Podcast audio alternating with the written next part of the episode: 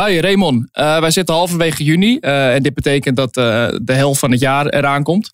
Ehm, naar onze mening een mooi moment om even de balans op te maken. dus aan jou de vraag, wat vond jij van afgelopen half jaar? Het was een beetje een half jaar van expect the unexpected.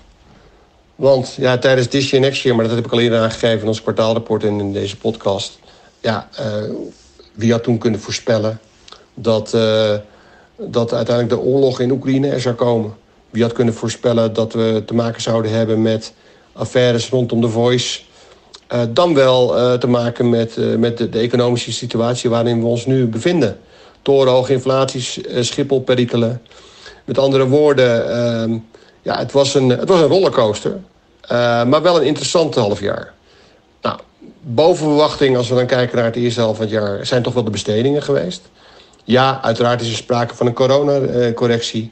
Maar eh, bestedingen blijven, ondanks eh, een lagere economische groei... ondanks de torenhoge inflatie en de druk op conservatieve bestedingen... blijven stijgen. Ehm, ja, en dat is eh, boven verwachting. en hebben we ook iets bijgesteld. Alhoewel weer, naar de, als we naar de tweede helft van het jaar kijken... daar komen we zo meteen op... ja, dan liggen natuurlijk wel wat uitdagingen. Um, beneden verwachting is toch wel de kijktijd. Als we kijken naar de kijktijd, ja, dan, uh, dan maak ik me zorgen. Uh, maar dat heb ik ook al eerder aangegeven. En uh, ja, die kijktijd is, is zo hard gedaald. ook door uiteraard de toetreding van nieuwe SVOD-partijen of, of AVOD-partijen. Ehm, maar ja, daar ligt natuurlijk een uitdaging.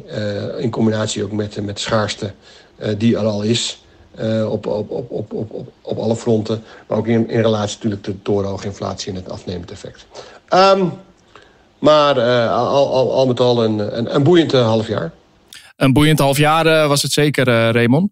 Um, even kijken naar ons afgelopen Next M-event, waar het thema The Future is Great was. laten we even kijken naar de iets meer nearby future.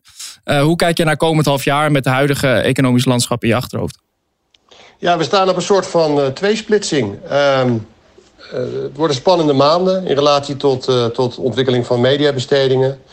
Um, ook in relatie tot de, de, economische ontwikkeling uiteraard.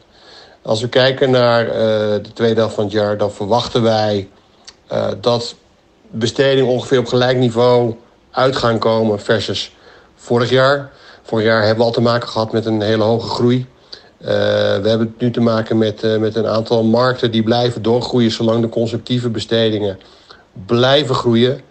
En daar zit het hem juist in, in relatie tot conceptieve bestedingen. Als die daadwerkelijk wel naar beneden gaan, dan zou het vierde kwartaal uh, minder, uit, minder hoog uit kunnen komen. Maar so far so good. En wij gaan uit van, van ongeveer gelijkwaardige bestedingen ten opzichte van vorig jaar. Oké, en wat zijn jouw hoogtepunten voor komend half jaar? Hoogtepunten. Uh, uiteraard kijk ik uit naar het WK voetbal uh, als voetballiefhebber. Uh, maar ook naar de Tour de France of Wimbledon of andere sportevenementen die dit najaar er zullen zijn. Maar vanuit, vanuit vakinhoudelijk gebied, vanuit vakgebied, dan vind ik de ontwikkeling rondom NMO interessant. kijken wat daar. wanneer we uiteindelijk die, die datasets gaan, gaan, gaan, kunnen gaan gebruiken. Wanneer we daadwerkelijk gaan kijken wat de invloed gaat zijn in relatie tot de, de nieuwe currency. Uiteraard kijk ik uit naar de beslissing rondom Talpa RTL. Ik ben benieuwd en ik hoop wel dat dat in relatie ook tot het commercieel beleid voor volgend jaar, maar ook in relatie tot de mensen, dat dat ergens in september, oktober uh, ja, bekend gaat worden. Maar waar ik ook naar uitkijk is naar eigenlijk het, het grote awareness impact onderzoek wat wij nu onder de vlag van groep M aan, het, aan het doen zijn. En ja, we proberen van 458 kanalen nu, of diverse formaten, proberen we impactfactoren in kaart te brengen. Um, omdat we naar een andere manier naar media moeten gaan kijken. Weten we dat het bereik onder druk staat, dat de effectiviteit van analoge media onder druk staat. En dat we veel moeten kijken naar de, naar, naar, naar de verhouding tussen mogelijkheden onderling. Hoe we deze met elkaar kunnen verbinden. Um, dus daar kijk ik uh, ook met, met, name naar uit. En uh, daar zullen we tijdens Disney Next Year meer van ons laten horen. En hoe kijk jij dan naar bijvoorbeeld adverteren rondom het WK? Ja, moeten we daarbij gaan, gaan adverteren? Ik denk het wel. Uh, ik begrijp de discussie. Ik begrijp dat sponsors daar weg bij willen blijven. Maar het zijn natuurlijk unieke momenten daar waar het gaan bereiken. we praten misschien zo meteen wel over 7 miljoen kijkers. En ik verwacht echt niet dat Nederland, Nederlandse consumenten weg gaan blijven. Want die gaan gewoon kijken. En die gaan gewoon kijken naar Nederlandse wedstrijden in Qatar. En natuurlijk, het is goed als er een beweging op gang komt of een discussie ontstaat. Maar laten we ook dat WK gebruiken om die discussie te laten ontstaan. Ehm, met andere woorden, um, WK adverteren, ja. Ik denk dat we daar gewoon bij moeten staan. Want de, momenten in relatie tot bereik zijn al schaars. En, uh, en uiteindelijk is dan iedere adverteerder zelf hoe daar uh, mee om te gaan. Als we het even over heel iets anders hebben, het NMO, moeten we juist zorgen uh, dat we bij elkaar komen met z'n allen. wat zijn jouw verwachtingen van het NMO en hoe kijk jij naar de tijdlijn? Nou, ik hoop echt dat die datasets binnenkort snel beschikbaar gaan komen. er is natuurlijk sprake geweest van uitstel. Uitstel in relatie tot panel. Want het was te moeilijk om te veel jongeren uiteindelijk te werven. maar volgens mij zijn er stappen gezet. En het is prettig als ergens september, oktober die datasets beschikbaar gaan, gaan komen. Want dan kunnen we analyses maken. want het betekent nogal wat. En ik ben ook benieuwd uiteraard hoe de, de zenders er commercieel mee omgaan. Um, maar ik hoop ook dat we verder gaan komen. Ik hoop verder dat we uiteindelijk stappen gaan maken in relatie tot de aanbesteding. Dat we aanbesteding van, heb ik het over het, het, het online campaign eh, onderzoek. Dan wel de RFP voor, uh, voor cross-media datasets. Um, absoluut noodzakelijk voor de markt dat we daar stappen gaan maken. Ik hoop ook dat uh, buiten reclame aansluit. Maar volgens mij zijn de laatste getallen zich daar, daar positief. Um, dus ik verwacht daar veel van. Uh, en ik hoop eh, dat we daar tempo kunnen maken, ondanks alle, alle discussies.